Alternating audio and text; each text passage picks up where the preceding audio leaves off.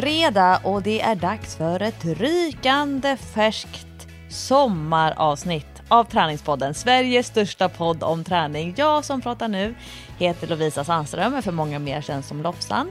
Och min poddpartner det är tv-programledaren Jessica Almenäs. Och det här är ju en specialvecka. Det är vet inte om jag gillar eller inte gillar när det är röda dagar och klämdagar men vi har precis satt på våra poddmickar efter Hesa Fredrik.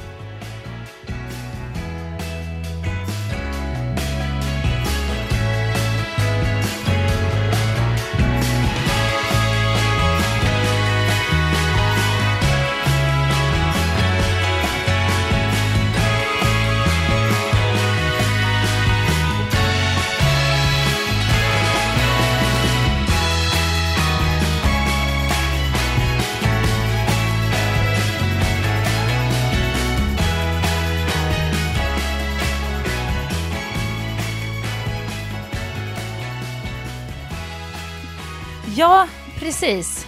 Jag kom på att det var måndag så att det var ju ingen idé att börja så länge Fredrik höll på att skrika. nu är vi igång. Ja, men man gillar ju Fredrik ändå. Det är liksom lite barndom i det där. Ja, förutom den gången, när kan det ha varit? 2017 tror jag. På sommaren. När man sitter en eh, sen sommarkväll, kanske vid tio, spelar spel med familjen. Plötsligt tjuter Hesa Fredrik. Då eh, blev man ju lite skraj, måste jag säga. För Hissa Fredrik ska bara låta första måndagen i månaden. Så när det låter liksom en sommarkväll klockan 22 på kvällen, då börjar man ju undra, vad händer nu? Kommer ryssen? Tänkte jag redan då, 2017. Men det var det ju inte. Det var ett misstag. Jaha. Men är det inte, är det väl inte varje månad? Jo, en det gång, är, väl, är det inte en gång i månaden? Nej, men det är väl, det är väl den första måndagen i den sista månaden av tre månader, typ vänta, januari, februari, mars, maj, april, maj, juni, juli, augusti, september, oktober, november, december. Ja, det, det liksom är... Det är mycket möjligt. Sist, men... Ja, jag tror att det är liksom fyra gånger per år, helgfri måndag klockan tre. Det är tur att han inte går varje eh, tolv måndagar och, om året. Ja, men jag hade för mig att det var det. Men det kanske inte är. Det, det är säkert bara en gång i kvartalet. Ja, men, eh, men nu, nu är han tyst och nu kör vi. Nu är han tyst och nu sätter vi igång.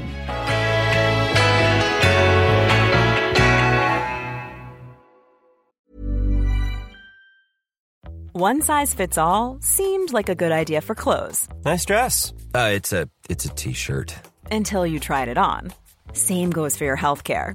That's why United Healthcare offers a variety of flexible, budget friendly coverage for medical, vision, dental, and more. So, whether you're between jobs, coming off a parent's plan, or even missed open enrollment, you can find the plan that fits you best. Find out more about United Healthcare coverage at uh1.com. That's uh1.com. Quality sleep is essential. That's why the Sleep Number Smart Bed is designed for your ever evolving sleep needs. Need a bed that's firmer or softer on either side? Helps you sleep at a comfortable temperature? Sleep Number Smart Beds let you individualize your comfort so you sleep better together. JD Power ranks Sleep Number number 1 in customer satisfaction with mattresses purchased in-store. And now, save 50% on the Sleep Number limited edition Smart Bed for a limited time. For JD Power 2023 award information, visit jdpower.com/awards. Only at a Sleep Number store or sleepnumber.com. Och den här veckan så hade vi ju lovat att prata lite grann om sommarträning. För eh, nyckeln till att lyckas med sin träning, det är ju som vi tjatar om alltid planering. Och planeringen för sommaren, den kanske man ska sätta igång med redan nu. Och jag tänker liksom att sommaren är juni, juli, augusti som eh, Gyllene Tider sjunger.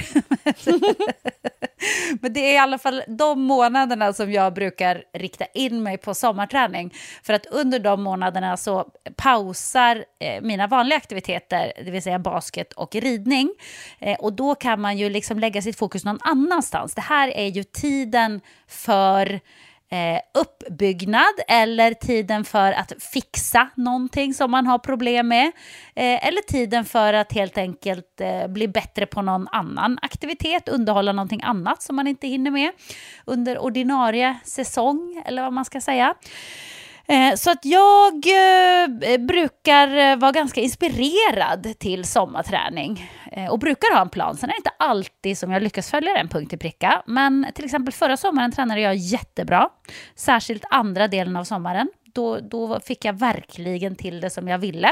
Så det var jag väldigt, väldigt nöjd med. Hur brukar du tänka med, med sommarträning? Alltså i år så ligger jag faktiskt bakom alltså jag ligger baktank, jag är inte redo för sommarträning. Jag tyckte mm -hmm. att eh, jag var lite chockad när du sa så här förra veckans avsnitt av Träningspodden. Ja men då eh, blir det dags att prata sommarträning nästa vecka. Och jag bara oh, eh, ja, ja men just tusan. Det är ju klart det är det. Jag har börjat springa i bara ben, jag har börjat springa i sport-bh. Men jag har liksom inte så mentalt ställt mig in på att ja men du, nu definierar vi ju faktiskt att det är sommarträning. Men, men jag tror att jag måste, det kanske är bra för mig att spela in det här poddavsnittet för då kan jag liksom ställa in min hjärna på att det faktiskt är sommarträning. Jag tror att det här berodde på att jag åkte längdskidor så långt in i våren.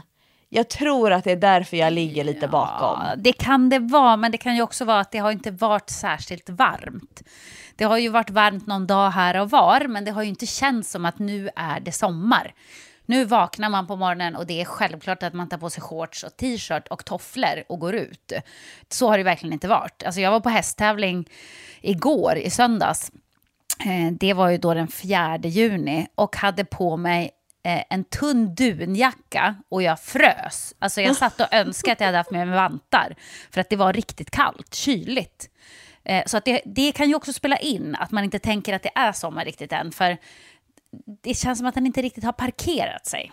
Den är liksom här och tittar in lite, men den har inte riktigt eh, ställt in bilen i garaget och bara nu, är, nu är vi redo. Nej, men det har du nog rätt i. Ehm, jag tänkte att det blir lite så här, från midsommar blir det nog eh, den officiella sommarträningen för mig. Och sen så hoppas jag att den kan gå förbi skolstarten. Den kan gå in i början på september när jag fyller år. Det är då hösten börjar. Eh, så jag har några veckor kvar innan min liksom, vad ska jag, det är så hårt när jag säger att när jag börjar jobba med mina regler för sommarträning. Men jag har några principer kring sommarträning som jag gärna delar med mig av. Och då, mm. då kommer de kicka in eh, typ på kanske dagen före midsommar eller på pangdagen midsommarafton. Ja men vad kul, eh, berätta.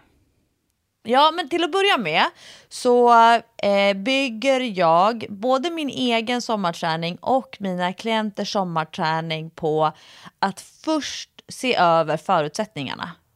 Vilket betyder att det är nästan inte meningslöst såklart, för man kan alltid ha sin ambition och man kan ha sin strävan utan att bry sig om förutsättningarna. Men att förutsättningarna behöver vi först titta på. Ramarna, var man geografiskt eh, befinner sig, vad man eh, tror är rimligt, alltså rimliga planer för kanske inte en vecka i taget, men det blir lite grann kanske en vecka i taget eller fem dagar åt gången när man är lite mer liksom on the road, när man reser runt. Och det kan säkert hänga ihop med om man bor i lägenhet eller villa. Eh, jag tror med mina fördomar att människor i villa kanske är mer hemma på sommaren för att man har en trädgård, man har liksom en annan, man har inte samma längtan bort eh, så som vi som kanske bor i lägenhet har, att vi vill åka iväg för att vi vill ha eh, mer grönt, att vi vill ha eh, ja, men en annan miljö. Sen så är vissa, alltså en kompis till mig, hon har typ gjort ett, jag skojar inte, det är liksom ett fem veckors schema. Jag tror hon sa att de skulle åka runt och hälsa på sju familjer. så jag var så här, åh gud, jag skulle aldrig orka det. Men då var det så här, för då tittade vi på, okej, okay, ja men där ska de åka och hälsa på kusinerna. Okej, men eh, vad är rimligt att fokusera på för eh, träning när de är med en annan barnfamilj? Ja, de, vissa vuxna tycker om att morgonspringa. Eh, det är några ungar som har precis kommit igång med att jogga lite intervaller. Okej, men då är det kanske en rimlig, ett rimligt fokusområde de dagarna. Till skillnad från när de skulle åka upp typ Norrland någonstans och hälsa på farmor och farfar. Ja okej, okay, men då kanske det blir någonting annat där. Man kanske behöver lite space själv, lite egen tid så att man eh, eh lägger in eh, ett långpass så att man liksom råkar vara borta två, två och en halv timme. Man kanske dessutom stannar och sätter sig på en bänk med en glass innan man går, går hem till farmor och farfar igen. Så man råkar vara borta två, två och en halv timme. Oj, jag bara Oj råkade. jag råkade springa vilse. Eh, ups! I själva verket så har man hållit sig borta. Eh, men jag tror att det är smart att faktiskt sätta sig ner och titta lite grann över liksom, vad är förutsättningarna. Eh, jag tycker ju att det är kul att eh, springa i terräng. Och är jag på ett ställe där jag vet att det finns bra terränglöpning, då är det klart att jag inte lägger in massa intervaller den veckan. Alltså det är inte så roligt att springa intervaller i terräng. I terräng då vill man ju liksom jobba med känslan, man vill kanske inte hålla på med klockan, eh, man vill uppleva, man kanske måste dessutom hålla koll på var man befinner sig. Så, så jämfört med om man eh, tänker sig att nu ska jag vara med husvagnen på en camping och så kan man springa platta sträckor längs med havet. Ja, men då är det ju perfekt att springa intervaller där. Och dessutom, man kanske inte kommer så långt bort från campingen om man har att man eh, har någon liten duty eller någonting. Så att det finns ju liksom lite olika principer till exempel, både dels då för eh, löpträning eller konditionsträningen utomhus. Men sen eh, att dela upp den eh, form av muskelträning som man vill genomföra. Eh, jag själv försöker i största möjliga mån att hålla mig borta från inomhusgymmet. Alltså det blir nästan som en sån här eh, utmaning för mig att jag ska genomföra alla muskelpass, alla styrkepass utomhus. Tror du att du kommer längta in i gymmet i sommar, Isea? Ja, Ehm, jag tror att den här sommaren kommer att bli faktiskt lite annorlunda från vad det brukar vara. För jag brukar ju gilla att träna ute och så. Eh, men det som jag brukar ha som mål under sommaren, det brukar ju vara att bygga liksom eh, lite försäsong inför basketsäsongen. Det vill säga styrketräna, springa intervaller, springa rent generellt. Eh, och då brukar jag gärna köra på utegymmet, det tycker jag är trevligt. Eh, men det kommer bli lite annorlunda sommar för mig i år faktiskt. Och jag kommer förmodligen från mitten av juli till mitten av augusti köra ganska mycket inne på gymmet. Jaha. Ja, och jag håller alla tummar och tår för att jag kommer vara ganska ensam på mitt gym. det kommer jag i sånt fall tycka är jätteskönt och då kan jag göra min träning väldigt effektivt. Eh, för att jag måste nämligen köra ett litet extra träningsläger. Ha lite extra träningsfokus just den månaden eftersom jag eh, i slutet av augusti kommer att åka iväg, eller mitten av augusti egentligen, kommer att åka iväg eh, och jobba på ett hemligt jobb, men där jag inte kommer att ha så mycket möjligheter att träna och då vill jag ha en bra fysik innan det, känner jag. Jaha, oh! Så, ja, så det kommer att bli lite, jag har redan liksom spaltat upp min sommar här i olika delar. Och den har redan börjat, min sommar då, inte din, men min har dragit igång. Fast jag fortfarande jobbar och eh, det här är sista veckan som det är basketträning. Ridningen är två veckor till, men strunt i det, utan jag tänker mest på basket ändå. Eh, men jag har redan försökt komma igång med eh, Bionic och köra det mer regelbundet än vad jag brukar göra. Därför att det passar ganska bra med min eh, rehabträning. Just nu när jag jobbar med basics där med min nacke min axel, min rygg och ska försöka eh, göra mycket, mycket basic övningar för att eh, bli mer rörlig och för att bli starkare där jag är svag också. Så att jag kör det och då är Bionic jättebra för att det är väldigt snällt mot eh, musklerna. Alltså det, det är svårt att felbelasta på Bionic eftersom man inte använder så tunga vikter. Utan det är ju de här elstötarna, höll, höll jag på att säga. Impulserna som, som eh, belastar muskeln. Så det är faktiskt väldigt, väldigt bra rehabträning. Så det kommer jag försöka köra nu fram till midsommar två gånger i veckan. Det är eh, oftare än vad jag kört tidigare. Annars har jag kört max en gång i veckan och oftast inte ens det. Eh, så jag ska försöka få lite regelbundenhet i det. Sen så eh, kommer jag att försöka fortsätta med min, eh, med min löpning. Det ökar Eh, 10 varje vecka. Just nu har det inte blivit skitmånga löppass, men jag ska försöka få in några fler, för det kommer att, att ligga till grund för hur jag ska träna från midsommar och framåt, nämligen. Men nu är det fokus på rehab, fokus på eh, styrketräning i bionic-form, eh, lite grann löpning, lite grann rörlighet behöver jag köra. Sen från midsommar, då, då är det en månad där jag ska resa runt ganska mycket. Eh, och vara på lite olika ställen, bo en del på hotell och sådär. Och då så kommer jag eh, jag är ganska inspirerad för den sortens träning faktiskt. Jag tar ju med mig löpardojorna givetvis. Älskar att springa på nya ställen där man är. Eh, och jag tycker det är ganska lätt att löpningen blir av när man bor på hotell. För det är ju precis som du säger, det är då man bara oj då, jag råkade vara borta i två timmar. Hoppsan! För det, det, kan ju vara lite påfrestande att bo med alla sina familjemedlemmar på ett hotellrum. Då kan det vara lite skönt att bara så här på morgonen, vet du vad, är det okej om jag sticker ut och springer? Så får man springa i nya miljöer, det är inspirerande och så. Så jag kommer ha löpardojorna med mig, springa var jag är. Eh, jag ser fram emot att utforska hotellgym som jag tycker är ganska kul. Jag har liksom en fascination för det, precis som för flygplansmat. Det är någonting med formatet som jag tycker om. Att det är så här, eh, du vet, eh, litet och smart. Litet. Ja, litet och smart i bästa fall. Det är ju inte alltid hotellgym är så kul. Ibland blir man ju jättebesviken. Men det ska jag i alla fall utforska. Så att jag ska hålla igång ordentligt eh, under den här tiden. Köra mycket basic-träning, styrketräning för hela kroppen, lite explosivitet, löpning, eh, kanske inte så mycket intervaller eftersom jag då kommer att springa i stadsmiljö mest. Men liksom hålla igång löpningen, trumma på, försöka köra lite rörlighet, fortsätta med det för det behöver jag verkligen. Och sen börjar då min intensiva träningsperiod från mitten av juli till mitten av augusti. Fyra veckor, jag ska bara vara hemma, jag ska inte göra någonting annat än att eh, planera för mitt eh, jobb som jag ska iväg på och se till att kroppen är i bra skick för det, för det kommer den att behöva vara. Jag kan inte åka iväg och ha nackspärr och ont i ryggen och sådär, utan jag måste vara stark när jag drar. Så det kommer bli mycket, mycket fokus på det. Men eh, kommer du att köra eh, med gummiband? Alltså packar du med dig T-rex-band, gummiband? Du hade ju något special eh, träningsredskap för resande fot om det var två år sedan. Alltså kommer du dra med dig sådana grejer i sommar? Mitt lilla minigym som jag har, det är inte omöjligt att jag tar med mig det faktiskt. Det kanske jag gör. Jag ska också besöka min syrra några dagar.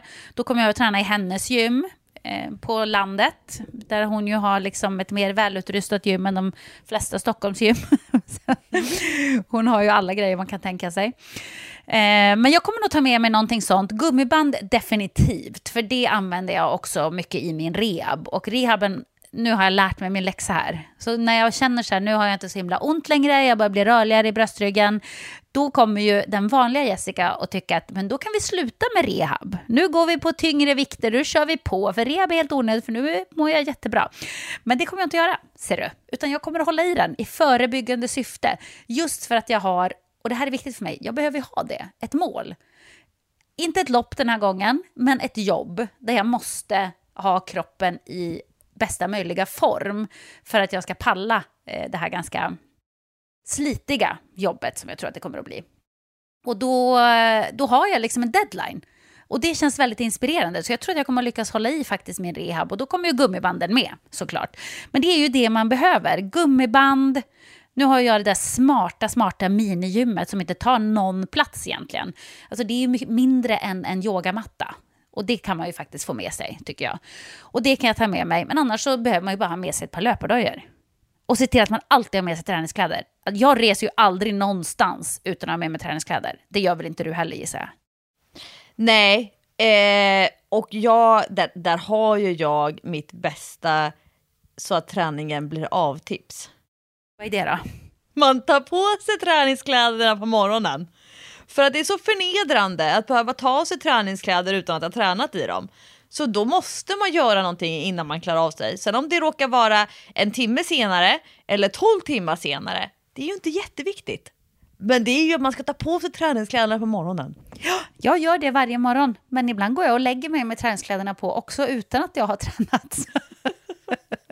Så oftast, de flesta dagar, går jag helt enkelt bara i träningskläder.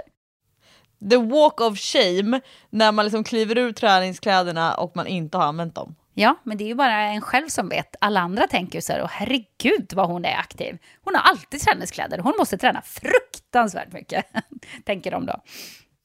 Men jag har eh, sagt till, eh, till de av mina PT-klienter som har haft jordens flyt i sin styrketräning under våren nu, låt säga att vi säger mars, april, maj. Och sen så nu innan eh, liksom vi tar sommaruppehåll från liksom den mer intensiva coachningen och relationen eh, så ska vi köra lite tester, eh, maxstyrka, checka av. Eh, vi har haft lite sådana här formkollar de senaste veckorna för att få ett hum om liksom, vad, vad vi ska sikta på och satsa på sen liksom, det passet när det väl gäller. Men då har jag sagt till dem, alltså de styrketräningsinriktade klienterna, att inte konka runt på kettlebells i sommar, inte konka runt på hantlar, utan många av de här ska ut med en båt. Och det är ju inte jättestora båtar. Alltså jag, jag kan beundra dem när de säger så här, ja men, nej, men det, vi har ju tre barn och ja, nej men vi bäddar ner dem lite här och där och de tycker det är mysigt att ligga med serietidning skavfötters. Och jag blir så här, åh gud, det där är min mardröm, att sova på båt i flera veckor. Men då har jag sagt att strunta i alla sådana ambitioner. Kolla av vad man har för gummiband hemma och sen om man har, låt säga ett light, tunt miniband med den lättaste styrkan, perfekt för axlarna. Har man ett mediumband, miniband, bra för biceps till exempel, funkar också jättebra att köra för ryggen. Har man ett heavy miniband, funkar jättebra för underkroppen. Sen kanske man vill ha med sig ett långt gummiband, antingen om man har ett som är delat med handtag eller om man har en sån här ögla som är liksom en enda lång powerband, en cirkel eh, gummiband som är lite lättare. Då tar man med sig någonting sånt för att det kommer alltid vara lättare att träna lite tyngre för underkroppen med kroppsvikt. Låt säga ja, men man, man kanske inte har något problem med att köra vanliga knäböj, men man lägger in knäböjshopp. Man, det är ganska lätt att trötta ut benen med olika typer av utfall, utfallshopp, eh, höftlyft. Men det är ju mycket svårare att träna överkroppen med kroppsviktsövningar det, det, är klart att man kan variera vilka sorters armhävningar man gör, men det är inte liksom lika roligt och lika eh, varierat och allsidigt att göra kroppsviktsövningar för överkroppen när man inte har ett räcke att hålla i. Man är verkligen på en ö med typ ett träd och en massa klippor. Men då kan man ju använda minibanden och gummibanden för överkroppen och satsa på det istället för att konka runt den där kettlebellen som man alltid sparkar i tån i och in och ut ur bilen och så vidare. Så de, de instruktionerna har jag gett till alla de som har verkligen haft bra flyt i sin styrketräning. Att så här, våga med gott samvete släppa taget om de liksom, riktiga vikterna under sommaren. Eh, men jag har också haft en liten stegring för väldigt många klienter i eh, löpningen. För att det är ju så här klassiskt. Man styrketränar jättemycket, man går på gruppträning, eh, man kanske har joggat lite grann eller sprungit något intervallpass i veckan. Och sen kommer sommaren och man bara wow, nu ska jag springa, jag ska springa tre gånger i veckan. Och så här, kanske köper nya skor, man gör jättebra strukturerat program, man kanske springer på nya ställen med nya kompisar eller med komp gamla kompisar som man inte sprungit med på länge och sen bara aha, nej men där fick jag ont i knät. Eller aha, fasen också, hälsporre. Eller att man får ont någonstans. Så då har jag, för att man har liksom, man går för hårt på sommarlöpningen. Och det kan man ju tänka på att har man inte sprungit så mycket eller sprungit så regelbundet nu under våren, att man inte smäller på med de där tre tuffa löppassen direkt per vecka. Man liksom får ha lite tålamod och stegra upp lite efterhand och så känna av kroppen. Att den liksom får en chans att anpassa sig om man sen i augusti vill kunna springa tre, fyra gånger i veckan. Man kanske vill ha en sån här varannan eh, dag löpningschallenge i slutet på sommaren. Men då får man liksom ta sig dit på ett litet schysst sätt. Mm, det håller jag med om.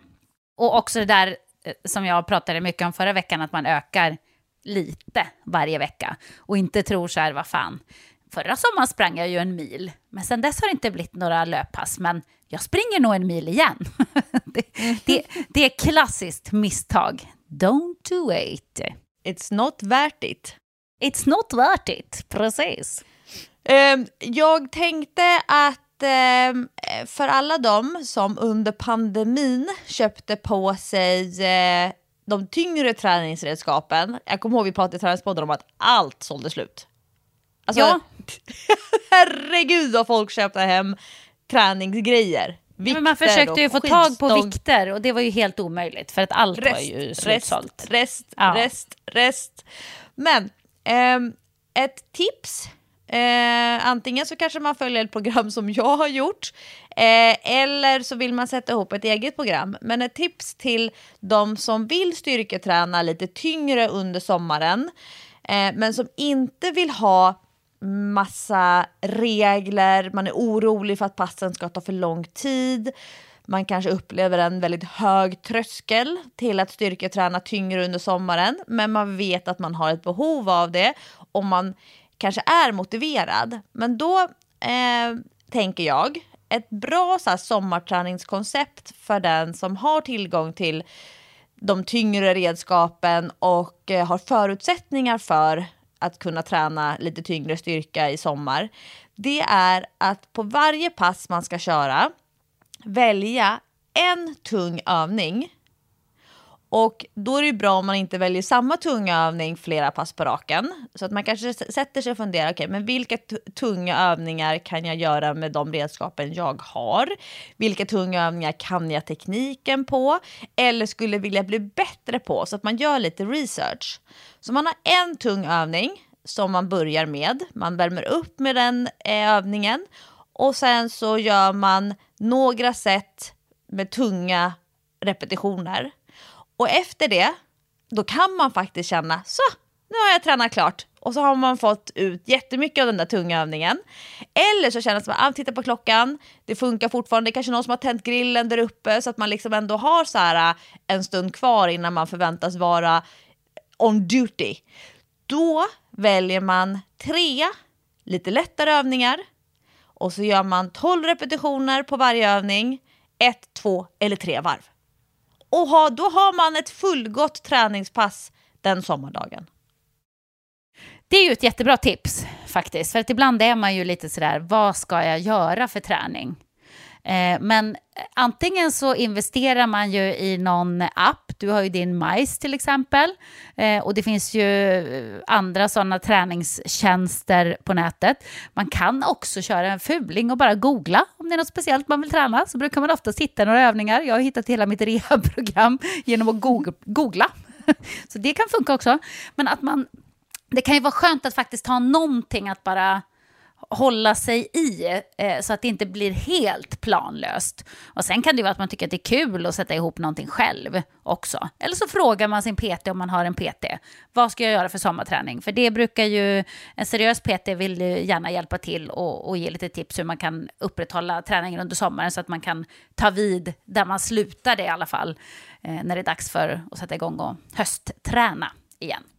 Det är ju det bästa som finns som PT när en klient kommer tillbaka efter sommaren i bättre form än vad hon eller han var när man sa hej då. Det Men hur ofta, händer det? det? Nej, det var det jag skulle säga. det är därför man njuter så när det händer. Och då brukar jag göra en stor grej av det. Det är nästan så här tårta och fanfarer. Men jag brukar verkligen eh, lyfta fram det, för det är inte alltid säkert att de, man märk, de märker det själva. Men, men tro mig, PTn märker. Men tala om, eh, hur många av dina klienter är det som frågar dig innan sommaren, hur tycker du att jag ska träna? Eller kan du ge mig en plan eller så? Eh, 90 procent. Det är ju många det. ändå. Ja, alltså alla mina klienter som jag träffar, alltså som, som kommer till eh, mitt gym och tränar med mig, alla de klienter som dessutom tränar mellan våra pass, de frågar. Och de klienter som jag har som inte tränar någonting mellan våra pass, de frågar inte. Eh, men jag har ju haft flera av dem i ganska många år och i de första åren så frågade de och så satt jag ganska många timmar och gjorde program. Och sen så gjorde de inte ett enda pass av de programmen. Så nu har det blivit lite grann som en elefant i rummet. Eh, jag vet att eh, hon undrar. Eh, hon vill egentligen fråga men hon vet att hon ändå inte kommer göra passen. Så att det liksom, den där elefanten tassar runt och liksom försöker att inte trampa på någon öm tå. Men då är det ju ändå lite självinsikt. Då är det så här, jag ska faktiskt inte be min PT att jobba extra nu för att göra ett program som jag ändå inte kommer göra. En, en del människor vet ju med sig, verkligen, att jag kanske vill träna i sommar men det kommer inte att hända. men jag har eh, eh, online-klienter som inte vill ha ett sommarträningsupplägg. De vill ha exakt samma format, exakt samma struktur som de alltid har. Eh, det är inte stockholmare, utan det är så människor, än en gång, som så här, bor så himla fint. Med, de är liksom inte ute och reser på sommaren. De är verkligen hemma, för de, de bor i det i sådana områden och i sådana typer av hus som många av oss andra vill vara, det är där vi vill vara när det är sommar. Och så har man det livet jämt. Då är det liksom så de, de är så här, nej men vadå sommarträning? Nej nu Lovisa, fortsätt, ge mig program som är som det vi har kört hittills. Och då, det kan jag ju tycka så här att det är jättebra för mig som coach för att det inte är så komplext. Eh, men det är ändå viktigt med periodisering. Jag hade faktiskt en diskussion om periodisering kring eh, just sommar, eh, att man har en sommaridrott och att man har en vinteridrott med några ungdomar. Och då var det flera stycken som sa så här, ja ah, men Lovisa vi gymmar ju ingenting nu. Eh, alltså att jag och gymmar inte med dem. Mm. Och då sa jag, nej men vi paddlar ju så mycket nu. Så att skulle vi, om vi skulle gymma också, då skulle det behöva träna jättemånga gånger i veckan. Och då, då sa han så här, nej, jag, jag gillar inte periodisering. typ att man vill varje vecka så här, måndagar gymmar jag, tisdagar springer jag, onsdagar är vila och göra läxor, torsdagar, eh, och då var det någonting annat. Alltså att man vill att varje vecka året om ska se likadan ut. Och just det med att periodisera träning, det, kan ju, det är ju viktigt av olika skäl. Sen om man, eh, det är ju väldigt få vuxna motionärer som sätter sig ner och gör ett årshjul så som vi tränare gör för våra idrottare. Att vi liksom i princip gör ett helt eh, årshjul i datorn och sen så lägger vi in Eh, de stora så här, lägger in läger, lägger in tävlingar. Var ska man vara som bäst? När är det höga eh, belastningar i skolan eller i jobbet? Eh, var kan vi lägga in lite mer träning? Var behöver vi lägga in mindre träning? Var ska vi lägga in extra fokus på styrka? Var ska vi lägga in extra fokus på uthållighet, snabbhet? Var behöver vi dra ner träningsdosen för att kunna göra en formtoppning? Men så den typen av årsplanering är det ju i princip ingen motionär som jobbar med. Det finns ett fåtal som jag möter, men de sitter ju också och färgkodar sina träningsdagböcker för hand med tio olika pennor. Eh, och eh, mm. för ju en enormt noggrann statistik analogt. Alltså vissa människor går ju igång på det här. Men att ha en periodisering innebär ju att man är överty- man liksom är garanterad att när ett år har gått, oavsett om man startar sitt år i januari eller i september, eller man kanske har ett år, ett år kanske börjar första december, det beror på lite grann vad det är för form av rutiner som man har i sig. Så att man har liksom tränat igenom allt det som kroppen och hjärnan behöver träna igenom. Om man inte periodiserar träningen, sen om man gör det månadsvis eller kvartalsvis eller halvårsvis, men det finns ju alltid en risk att man missar saker, att man liksom eh, glömmer lägga in det eller att tiden går. Eh, men också att man eh, helt enkelt inte kommer vidare till nästa nivå. Att man fastnar på en platå. Och platåer är ju... Alltså en platå kanske... De flesta människor märker ju inte att de är på en platå, för de har inte det reflekterande tänkandet i sig. De vet inte ens om vad en platå är. Man tränar för att man har en god vana. Jag går på gym och så går man på gym och gör sina övningar och reflekterar inte kring eh, hur mycket man utvecklas. Medan en platå, oavsett om det handlar om prestationsinriktad träning eller en viktplatå för någon som jobbar med viktnedgång, kan ju vara liksom den största anledningen till att man tappar vanan. Alltså att man, man vill inte fortsätta med det här projektet för att det händer ju ingenting. Och där är ju periodiserad träning en jätteviktig del och ofta så behövs det ju att man har en, ett eh, samtal med sig själv eller ett samtal med någon annan och faktiskt titta. Det är när man börjar prata om sin träning som man kan se vilka mönster man har. Jag tror att många som lyssnar på träningspodden Jessica genom åren, de ser ju dina mönster. Och det är ju nyttigt att prata om hur man tänker och känner och vad man har för behov. Nu får du och jag lyxen att göra det i det här forumet, men jag skulle ju vilja att liksom människor eh, tränar på att prata om det i sina egna forum för att vi investerar så mycket tid och svett och kraft och pengar i vår träning och liksom att det är ett sätt att ta det på allvar. Att periodisera, att fundera, vända och vrida på utmaningar och ehm, eh, beteenden som kanske blir så moment 22 vad är hönan, vad är ägget, eh, beteenden och så vidare. Hur tänker du kring det? Eh, oj, Gud, jag är ju dålig på allt som har med mönster att göra, som du vet.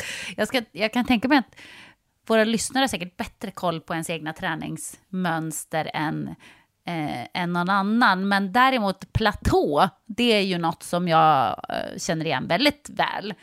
Eh, och det händer ju ganska ofta. Det är ju en killer för motivationen när man hamnar på en platå. Faktiskt. Det är jätte, jättetråkigt. Och det är liksom svårt. Jag kan inte ens ge några tips på hur man tar sig ifrån den där jäkla platån som man eh, fastnar på. Eh, men, men jag har ju lyckats göra det uppenbarligen genom åren för att jag sitter ju fortfarande här och tycker att det är kul att träna. Så att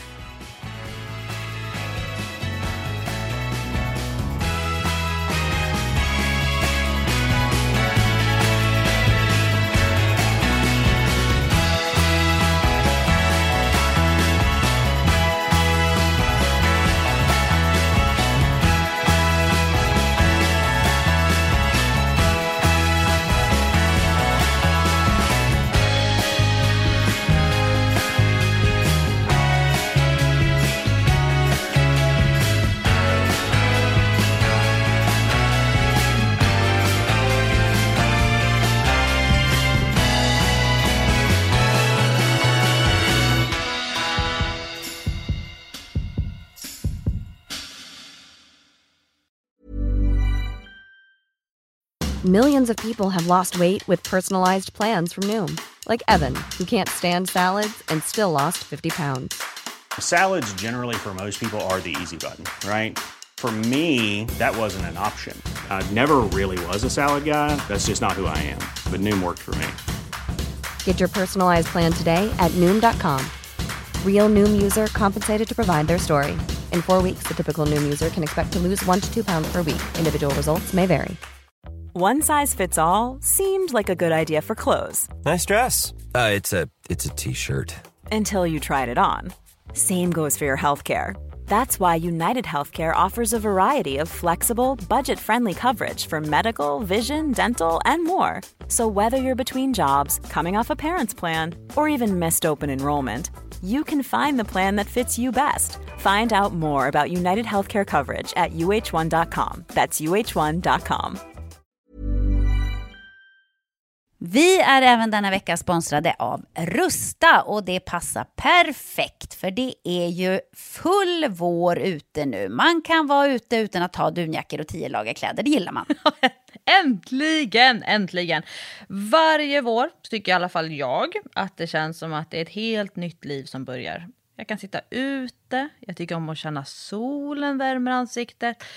Och för mig är det liksom, det, det är ett njut. Älskar att vara ute. Och Rusta, det är vårens bästa vän för de har allt för det här nya livet, utomhuslivet. Ja, precis. Vi har ju tidigare berättat att Rusta har ett brett sortiment av i princip allt som du behöver till din uteplats. Och jag har eh, snackat mig varm om solcellsbelysning. Det tycker jag är kanon. Du var inne på ljusslingor och krukor, Lovisa. Men oavsett vad man behöver så får man mycket för pengarna hos Rusta när man ska förvandla och förnya sin uteplats. Hur är det hos dig Jessica? Har du några favoriter när du ska piffa upp er utomhusmiljö? Ja, men det har jag faktiskt. Jag gillar att det känns lite loungeigt. Så jag brukar ju satsa på att köpa någon ny utomhusmatta. För att de är väldigt prisvärda hos Rusta. Så det tycker jag är en stor favorit. Ska jag säga vad jag är sugen på? Berätta. Jag tycker ju att det är bra att ha kuddar som man inte behöver ta in. Det står absolut på min lista för den här våren. Ja. Ja. Det ska vara lätt att ta sig ut. Kuddarna ska bara ligga där, redo att ta emot den. Ja, man älskar sånt som man inte behöver plocka ut och in. Och då säger nog jag att grejer till utegymmet, alltså vi pratar hantlar, kettlebells, foam roller, sådana saker är också för mig vår, att vara ute, det är låg tröskel till att träna och så kan man liksom ta in och ta ut. Och Rusta har riktigt bra hemmaträningsgrejer. Och jag tänker så här, ja, men man sitter och hänger där i sina kuddar och så kan man träna. Och så kan man hänga och träna. För alla våra lyssnare så är ju träning en viktig del av utomhusmiljön, det vet jag. Vi uppmuntrar och uppmanar våra lyssnare att njuta av utomhuslivet och kolla gärna Inrusta när ni vill uppgradera er utemiljö. Kolla in rusta.com, men framförallt besök ett Rusta varuhus och få inspiration till ditt nya uteliv. Vi säger tack till Rusta! Stort men vad, vad är dina bästa tips när man hamnar på en platå? Kan man lösa det själv utan att ha proffshjälp? Hur ska man tänka? Ehm, ja, det, det kan man absolut göra. Variation är ju det bästa sättet att ta sig bort från en platå. Variation. Och eh, det är ju ofta så att kroppen har vant sig vid de utmaningar som, de, som den har fått under en längre period bakåt. Och när man då fortsätter med samma upplägg så tycker kroppen så här, ja men this is pretty comfort. Jag behöver inte anstränga mig för nu kan jag det här. Och då kan man behöva göra någonting annorlunda för att komma ur platån. Göra någon form av variation. Och jag jobbar mycket med att styra, till exempel då i styrketräning, att styra tempot. Om du, du kör dina biceps curl med 7 eller 8 kilo och liksom, jag, det har jag gjort i tre år. Jag blir inte starkare, jag kan inte använda 10 kilos hantlarna. Ja, men om du använder dina 7 eller 8 kilos hantlar och så bestämmer du för att du ska bromsa 3, 4, 5 sekunder på vägen ner i varje bicepscurl. Normalt sett så går du upp på en sekund och ner på en sekund. Men om du bromsar, lägger in fler sekunder excentriskt i bicepscurlen, det är ju ett sätt att variera. Det här blir väldigt konkret och nere på en så här isolerad enledsövning. Men att jobba med tempot i styrketräningen på det sättet, det är ju ett sätt att ta sig vidare från en platå. Då behöver man inte öka vikterna, men man gör någonting annorlunda. När det handlar om eh, konditionsträning, då är min erfarenhet att många av de som har kommit igång med intervaller, eh, man kanske har sprungit intervaller några år. Eh, vi vet ju att det är jättemånga som springer intervaller från stora löparboken för kvinnor till exempel. Jättekul. Och, ja, jätteroligt och har liksom hittat sina favoritpass. Och i, i de programmen så är det en väldigt hög variation i sig. Det är liksom, vissa standardpass återkommer då och då i, i alla program, men det är mycket fokus på att variera. Men ibland, och det, det här var ju en av mina utmaningar under vintern, att springa samma pass ofta, gång på gång på gång på gång och att prova vad som händer när man inte varierar sig. Och det finns ju fördelar i det också. Alltså det kan ju helt enkelt vara så att man är på en platå för att man har för hög variation. Att man bara blandar och ger, blandar och ger, blandar och ger, blandar och ger. Ehm, så det kan ju vara så för vissa att man helt enkelt behöver köra samma pass jättemånga gånger på raken för att eh, komma vidare till nästa nivå. För mig blev det jättetydligt när jag hade kört typ 12 veckor av 4 gånger 4 minuter på löpband. Så här att, att det faktiskt hände någonting. Men det är ju inte det roligaste sättet att träna på. Det är alltså, I'm sorry. Och jag har gett det här programmet till ganska många eh, online-klienter och så här, liksom, och då har jag liksom gett dem i uppdrag så här att liksom, kan inte du reflektera lite med mig hur det känns att köra samma pass så himla många gånger? Och vissa de är så här, åh gud, det är så skönt. Jag vet exakt vilken hastighet jag ska ha på löpandet, jag vet exakt hur jag ska värma upp, jag vet exakt vilken vila jag ska ha. Och så har de till och med så här, eh, kör det på samma dagar och samma tider, så det är samma repriser som rullar på tv-apparaterna på gymmet. Så det är liksom Hem till gården som står och rullar samtidigt som de springer de där intervallerna.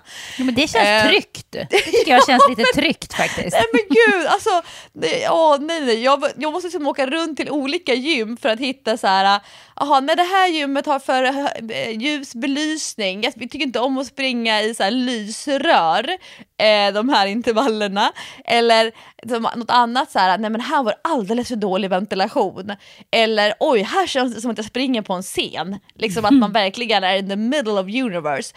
Så eh, då har jag ju liksom fått variera de delarna istället. Men vissa människor älskar när det bara återkommer, återkommer, återkommer. Eh, men så där, det där är ju någonting som jag klurar mycket på och det är väl det som man kan fundera över själv. Om jag är på en platå trots att jag varierar, ja men då kanske jag ska prova att stanna kvar i ett program. Stanna kvar i ett pass och jobba ännu mer fokuserat med det passet eller ett fåtal pass. Eh, Det vet jag att du Jessica har ju kört eh, riktiga intervallsatsningar när du bara har sprungit intervaller till exempel. Alltså du bara har jobbat med fart. Bara Exakt. har liksom tryckt på drivet och det vet vi funkade riktigt bra för dig. Du blev ju sjukt snabb av det. Ja, gud ja. Det, det kan ju faktiskt funka jätte, jättebra. Det har du rätt i. Men jag tror själv att jag skulle bli lite uttråkad av att göra samma sak hela tiden. Eh, men eh, det finns ju som också någonting som är tryggt i det. Och testa. Men, men du kommer ihåg också Lovisa när jag gjorde, det har jag tjatat om så många gånger, när jag hade min lilla runda i Norge som jag sprang alltid, som var typ fem kilometer. Samma runda, samma runda. Den var kortare till och med, tre tror jag. Tre var det nog. Jag kom ju aldrig därifrån. Det var typ nästan klockar in mig på exakt samma tid varje dag. Det hände liksom ingenting. Och sen bara att man gjorde en liten förändring, skruvade pytte, pytte lite och började springa en lite längre runda en gång. Eller en liten, eh, ja vad fan som helst. Bara någonting annat. Då händer det grejer direkt. För att det var som att man har ändå byggt upp någon slags grund, men för att man ska skriva, eh, lyckas ta det ett steg till så var man tvungen att skruva på en liten, liten, liten grej. Men jag tänkte på det apropå att ha ett eh, självreflekterande Alltså att vara självreflekterande kring sin träning. Eh, får jag berätta? Nu hamnar jag på ett sidospår men jag kommer knyta ihop det. Ja, Ja, I eh, fredags så var jag på mitt älskade GIH, Gymnastik och idrottshögskolan i Stockholm. Ja, ditt andra hem. Ja, mitt andra hem. Och eh, jag var ditbjuden för att vara examenstalare på GH-studenternas examensdag i ceremonin. Alltså, Kul! ja, det var så många Vilken år sedan. ära. Aj, jag var så nervös. Det var så många år sedan jag var så nervös. Och folk runt omkring mig bara, men alltså Lovisa du har jobbat med direktsänd tv i jättemånga år. Du, du kan ju föreläsa liksom för tusen, alltså tusentals människor samtidigt i stora kongresshallar. Varför är du så nervös? Och det här var väl typ 250 studenter och deras anhöriga. Och jag var så här, nej men det här är, det är så ärofyllt och jag vill vara så här inspirer, inspirerande, ge hopp om framtiden. Men också så här, jag ser er. Ni har gjort ett sånt enormt hårt jobb och nu är ni klara. Alltså det var så här, det var fem program som skulle ta examen. Eh, det var eh, lärare, idrottslärare och sen så också de som har läst idrott och hälsa, men de blir typ lärare i slutändan. Eh, hälsopedagogprogrammet, det var tränarprogrammet, sportsmanagementprogrammet och eh, mastersprogrammet. Men masterseleverna, det var så roligt för de var inte på plats. Eh, men de är ju lite speciella. Det är ju de som redan har tagit en vanlig examen och sen håller de på och liksom ska forska vidare. Eh, och jag höll mitt tal. Det blev som en så här, ett svart tidshål. Jag har inga minnen överhuvudtaget om vad jag har sagt. Jag var så nervös innan, jag var så mån om att det skulle vara riktigt bra. Så jag hade skrivit hela mitt tal, eh, först i anteckningar i mobilen. Eh, Hans gjorde så här redaktörsjobb, hjälpte mig med lite så här formuleringar, flyttade om eh, något stycke. Eh, och sen så la jag det i datorn, skrev ut det i ett perfekt typsnitt, klippte papper, gjorde talkort. Du vet, alltså, du vet, det är på den nivån. Och jag skulle nog säga att att hålla ett tal, det här skulle vara mellan fem och åtta minuter, ett tal på fem till åtta minuter är betydligt svårare än en 90 minuters föreläsning. För att det, är, det måste vara så konkret och det måste vara slagkraftigt och det ska vara roligt och inspirerande. Men det är ju alltså att hålla tal, herregud. Och du Jessica, när du gör dina såna snabba, konkreta programledarinsatser, nu verkligen har jag så en rak arm som jag bara gör nedslag.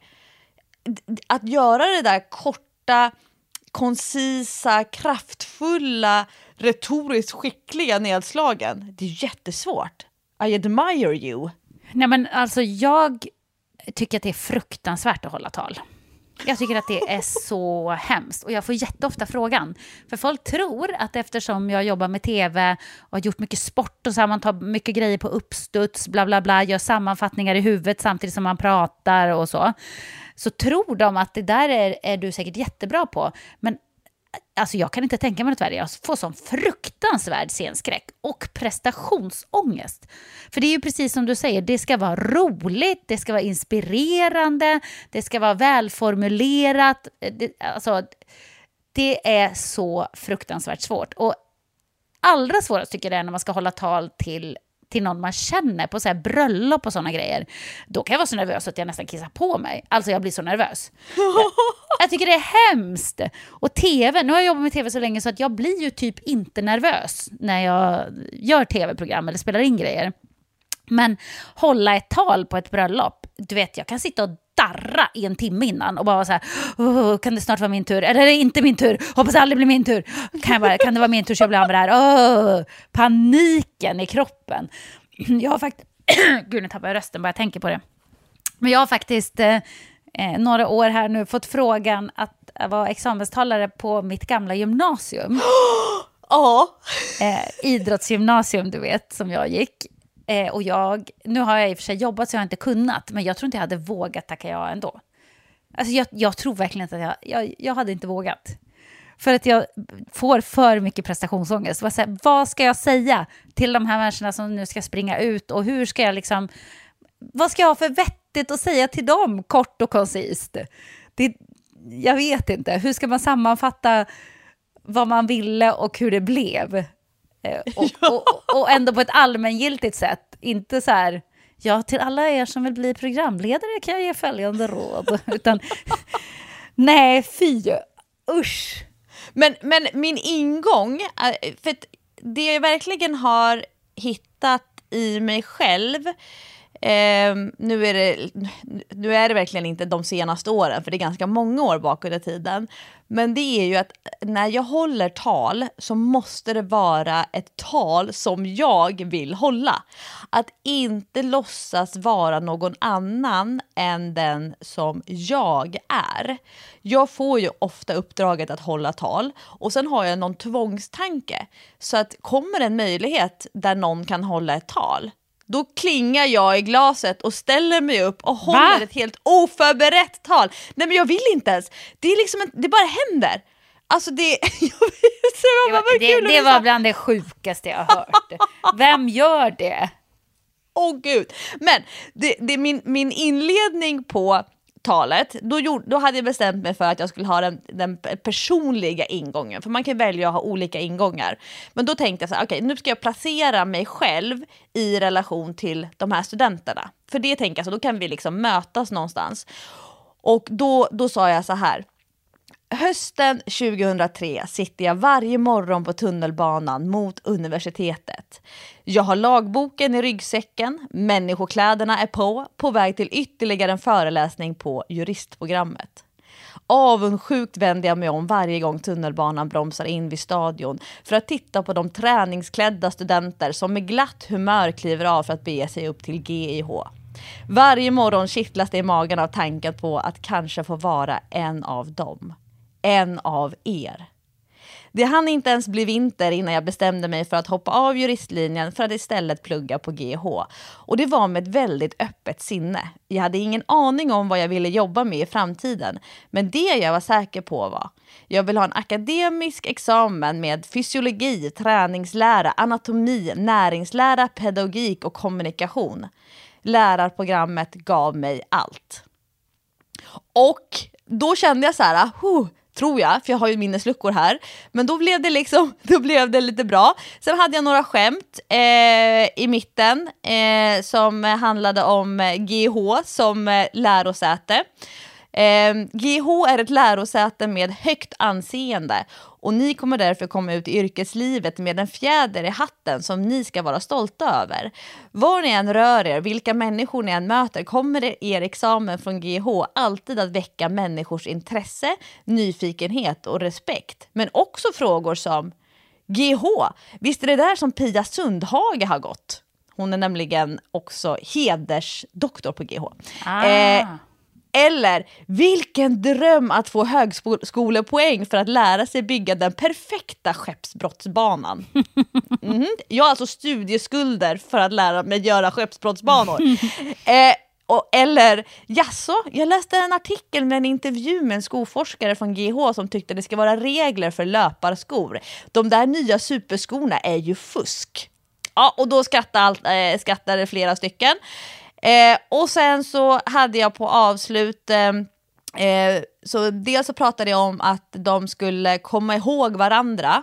För när de kommer ut i yrkeslivet, och det är svårt och det är tufft och det är utmanande och man känner nästan som att man är sämst i världen, så kan man dela den upplevelsen med sina gamla studiekamrater. Alltså att man inte bara klipper av och så kastar sig ut i yrkeslivet och så glömmer man bort vilka människor man delade utbildningen med. Och eh, att man ska skaffa sig en mentor i sitt nya yrke. Att hitta någon som är erfaren och har jobbat många år som kan dela med sig av tips och tricks. Eh, och sen så avslutade jag Eh, dessutom, GH står alltid öppet för er som vill ha ännu mer kunskap framöver i form av kompetensutveckling, fördjupning och fortsatta studier. I höst, 15 år efter examen, ser till exempel jag fram emot att åter få vara en student på GH. För är det något som vi som har jobbat länge i skolans värld, i träningsbranschen och inom hälsovården vet är en stor framgångsstrategi, så är det insikten i att ingen av oss är fullärd. Forskningsrönen utvecklas hela tiden och vi alumner från GH kommer alltid kunna luta oss tryggt mot detta eh, läroverk. Jag vill nu önska er GH-studenter som idag tar examen ett hurrande stort grattis och välkomna er till en yrkesframtid som kommer vara rolig, stimulerande, utmanande och framförallt meningsfull. Wow! Åh, så fick jag jubel. Det kommer jag ihåg att jag fick, eh, fick jubel. Eh, men Vilket tal! Det var ja, otroligt. jag, de sa att det var bra. Jag minns ju ingenting. Jag, jag kommer ju att kontakta dig nu om jag får frågan av att eh, examenstala igen på mitt gamla gymnasium. Fast vet du vad jag fick för tips av en kompis? Nej, berätta.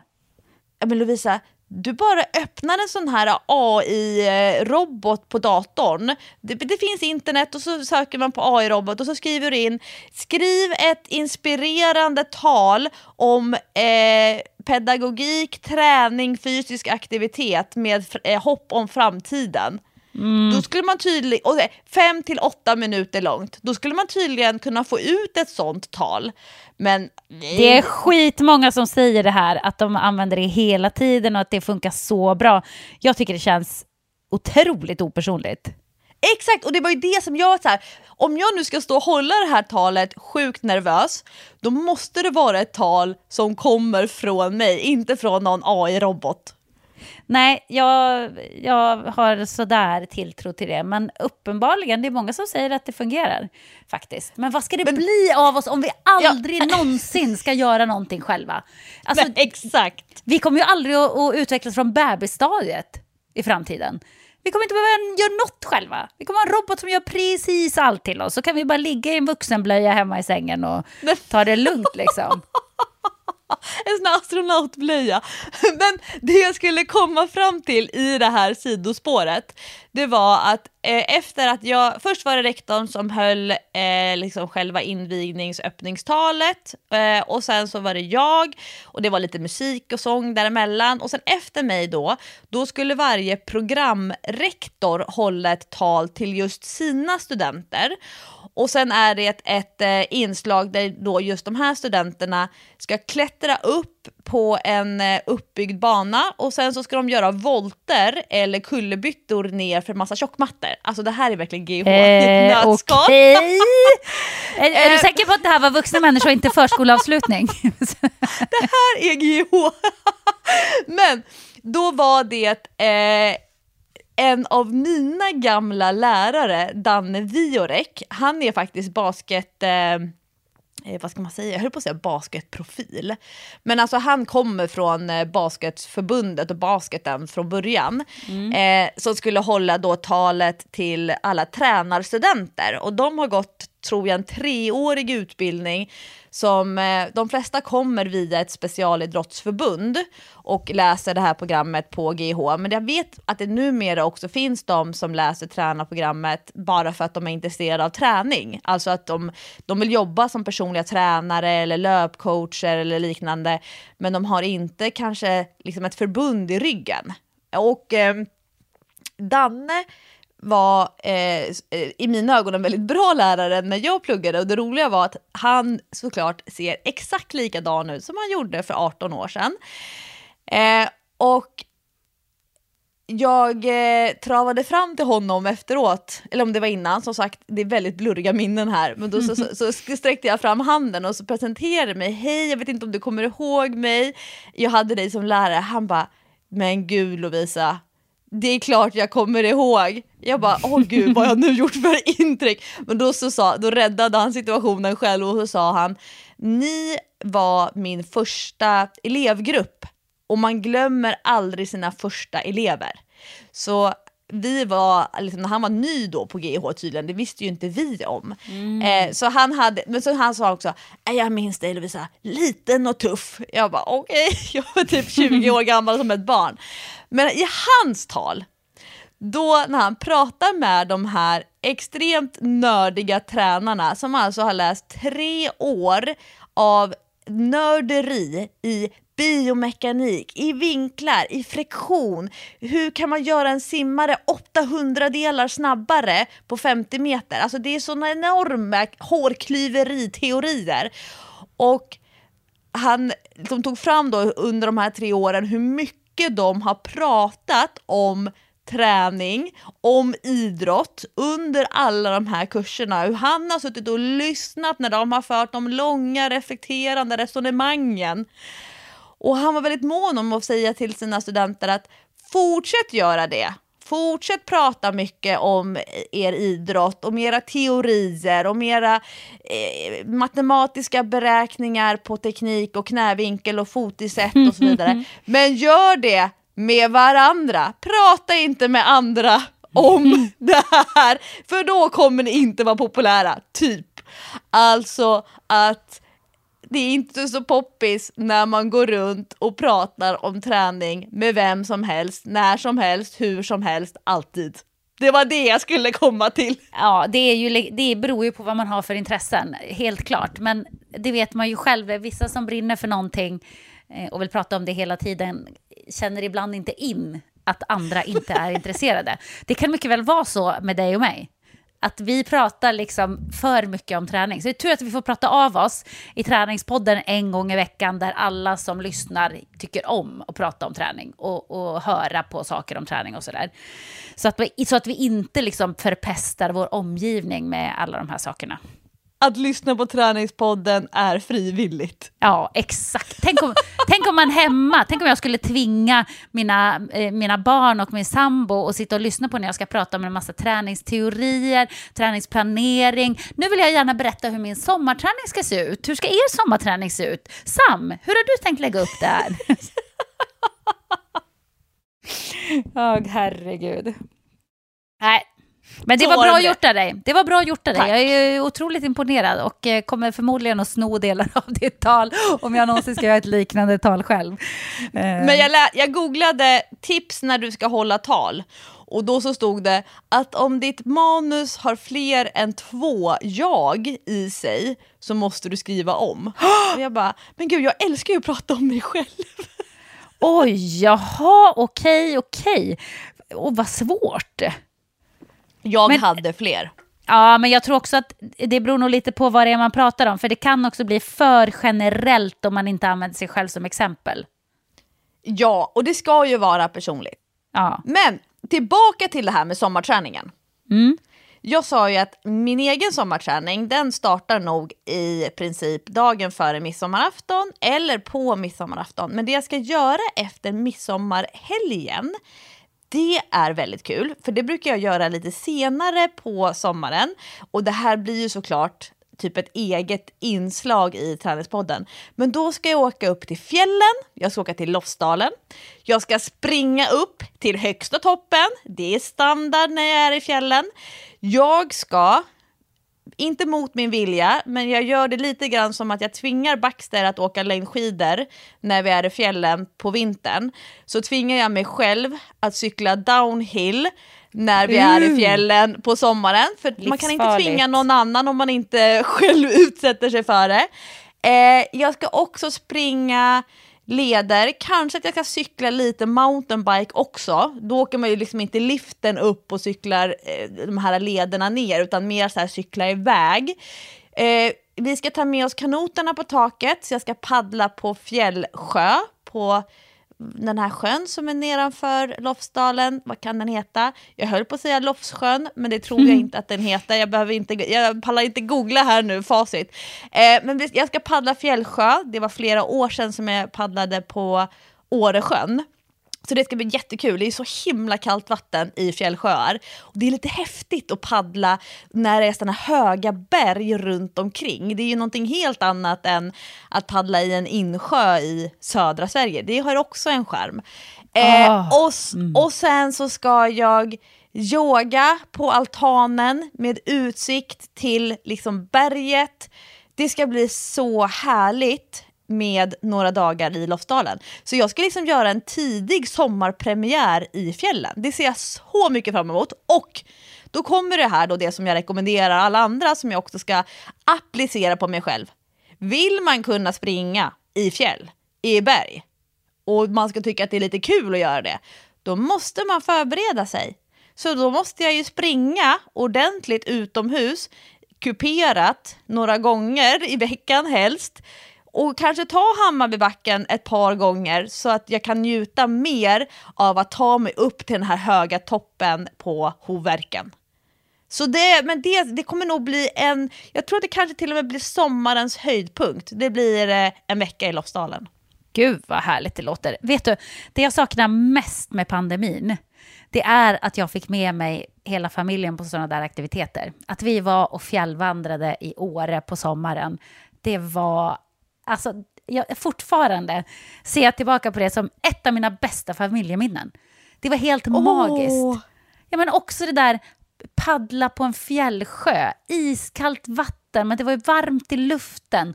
Och bara dra in den här klara luften utan föroreningar och bara fylla på. Och så den här fjällvandringen när man är så här trött i kroppen som man är ungefär när man åker skidor, fast man är det för att man har varit ute och vandrat i fjället hela dagen och då burit på en unge där hela vägen upp på toppen. Och allting Åh. bara kändes, du vet det var bara så att man sjöng så här jodla-di-di, jodla-di-o. Så glad var jag. Endorfiner, det Ah. är ju någonting med fjällen och att få dela det med någon. Jag tror ju till och med att jag kommer få med mig Sixten på topplöpningen. Jag tror att han är så pass löpartålig nu och stark i underkroppen. Han slog för övrigt mig för första gången i livet i marklyft idag när vi var och tränade med vår PT Andreas. Ja, den lille ungen alltså. Han är inte så liten längre, men jag tror att han faktiskt kommer att fixa eh, löpningen hela vägen upp på Hoverken. Det är klart att man måste gå långa partier, men man har ju ändå springskor på sig. Jag ska komma ihåg att packa med mig stavar, för det gör ju också att man kan nyttja överkroppen lite mer. Så jag tror att jag faktiskt inte kommer göra den här löpningen ensam. Det brukar jag ju annars behöva göra för att det ska funka med familjen. Men jag tror att jag får med mig honom hela vägen upp. Gud vad härligt. Åh. Det finns inte på kartan att jag får med mig barnen på fjällvandring nu tyvärr. Det är så deppigt. De tycker att man kan göra mycket roligare saker på semestern. Men, men, vem vet? Jag tror inte att du hade sett för dig för några år sedan att Sixten skulle springa med dig upp till toppen nu. Så att vad som helst kan ju hända. Ja, alltså jag satt och tittade på gamla bilder och filmer från när han typ var fyra år och var med i barnklassen på Stockholm brantaste och de skulle springa halva Hammarbybacken, eller knappt, det kanske var en tredjedel av Hammarbybacken i barnklassen. Eh, och de hade redan satt upp det officiella målet för stora Stockholm brantaste högst upp på toppen med sån här stor portal som man skulle springa in i, luftfylld. Medan barnens målgång, det var typ lite ballonger. Han bara, ursäkta? Så här, jag ska, upp på, jag ska upp på den där portalen. Och jag bara, men alltså Sixten, lite hybris här, du kommer inte fixa det. Så jag fick typ hålla i honom för att han skulle få en positiv upplevelse. Men, men vi har ju gjort liksom en hel del lagom backlöpning. Så att, men vi får se, jag ska inte lova någonting och jag kommer inte tvinga honom.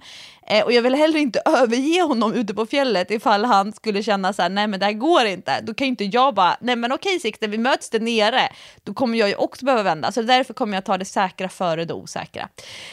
Vad ser du mest fram emot med din, eh, alltså av alla dina sommarträningsaktiviteter och platser, vad tror du kommer vara höjdpunkten för, för dig? Ja, alltså jag romantiserar ju USA som du vet. Så att jag ser ju redan framför mig nu när jag är ute och springer i New York. Springer längs vattnet, springer i Central Park. Kanske kommer jag till och med att få med mig Patrik på någon löprunda. Han brukar ju göra någon om året när jag lyckas tvinga med honom. Och det kan vara att det är ett sånt tillfälle faktiskt. Det ser jag fram emot när jag ska springa där och så förmodligen ha Alicia Keys i öronen bara för att. Du vet, New York! Åh, Ah, för fan. Det ser jag faktiskt jättemycket fram emot. Ä- Ah. Är man i ehm, New York en söndag, då kan man googla, för man kan i princip betta pengar på att det är ett välgörenhetslopp den söndagen. Alltså New York och välgörenhetslopp är ju liksom, de har ju typ gift sig. Man Ja. tror så här, jaha, är det liksom typ ett jättestort tävlingsarrangemang, jättemånga människor som springer med likadana tröjor och nummerlappar. Så, så frågar jag någon funktionär så här, ah, vad är det här för lopp?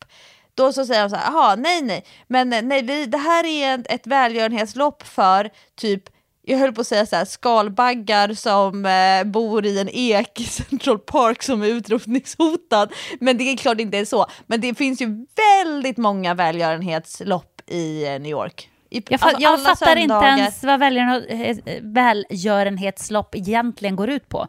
Just Jag fattar inte hur får man pengar för att springa? Nej, det alltså, vet vad- jag inte. Nej. Det, det Och- finns ju det så många. måste kosta Men jättemycket att arrangera dem. Och sen, men jag tror att det kanske är att liksom en del av anmälningsavgiften går till välgörenhet, det här just specifika projektet. En skola i Brooklyn där det går eh, 25 barn med diabetes. Och så är det ett välgörenhetslopp. Och, men sen kan det ju också vara att eh, många privatpersoner springer och så har de insamling inför och under. Så att liksom, eh, eh, hjälp mig springa. Och så har de liksom drivat det på sociala medier innan. Men du kan liksom i princip inte gå igenom New York en söndag utan att sätta på eh, minst ett välgörenhetslopp. Ja, men spännande. Jag ska hålla utkik när jag är ute på min härliga löprunda. Får du ytterligare en eh, träningstisha till din loppkollektion? Ja, exakt. Den är ju ganska stor nu, men många av tröjorna är för små tyvärr. Så kan det vara. Men hörni, hoppas att ni fick lite inspiration här nu till er egen sommarträning. Gör en plan redan nu.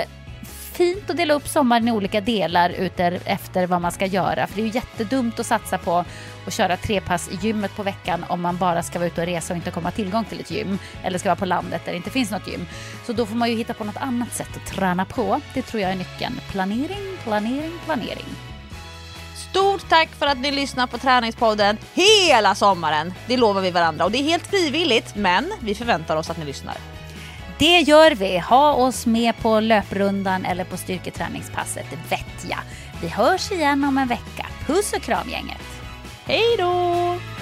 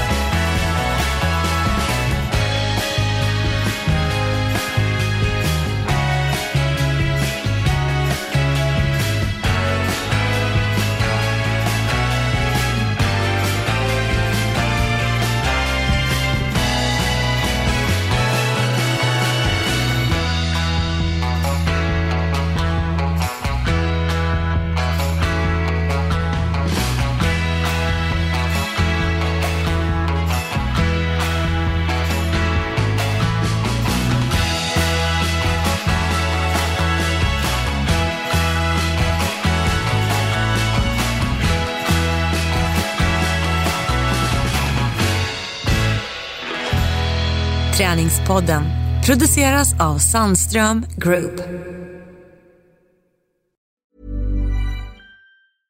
Imagine the softest sheets you've ever felt. Now imagine them getting even softer over time. That's what you'll feel with Bowl and Branch's organic cotton sheets. In a recent customer survey, 96% replied that Bowl and Branch sheets get softer with every wash. Start getting your best night's sleep in these sheets that get softer and softer for years to come. Try their sheets with a 30-night guarantee. Plus, get 15% off your first order at bowlandbranch.com. Code BUTTERY. Exclusions apply. See site for details.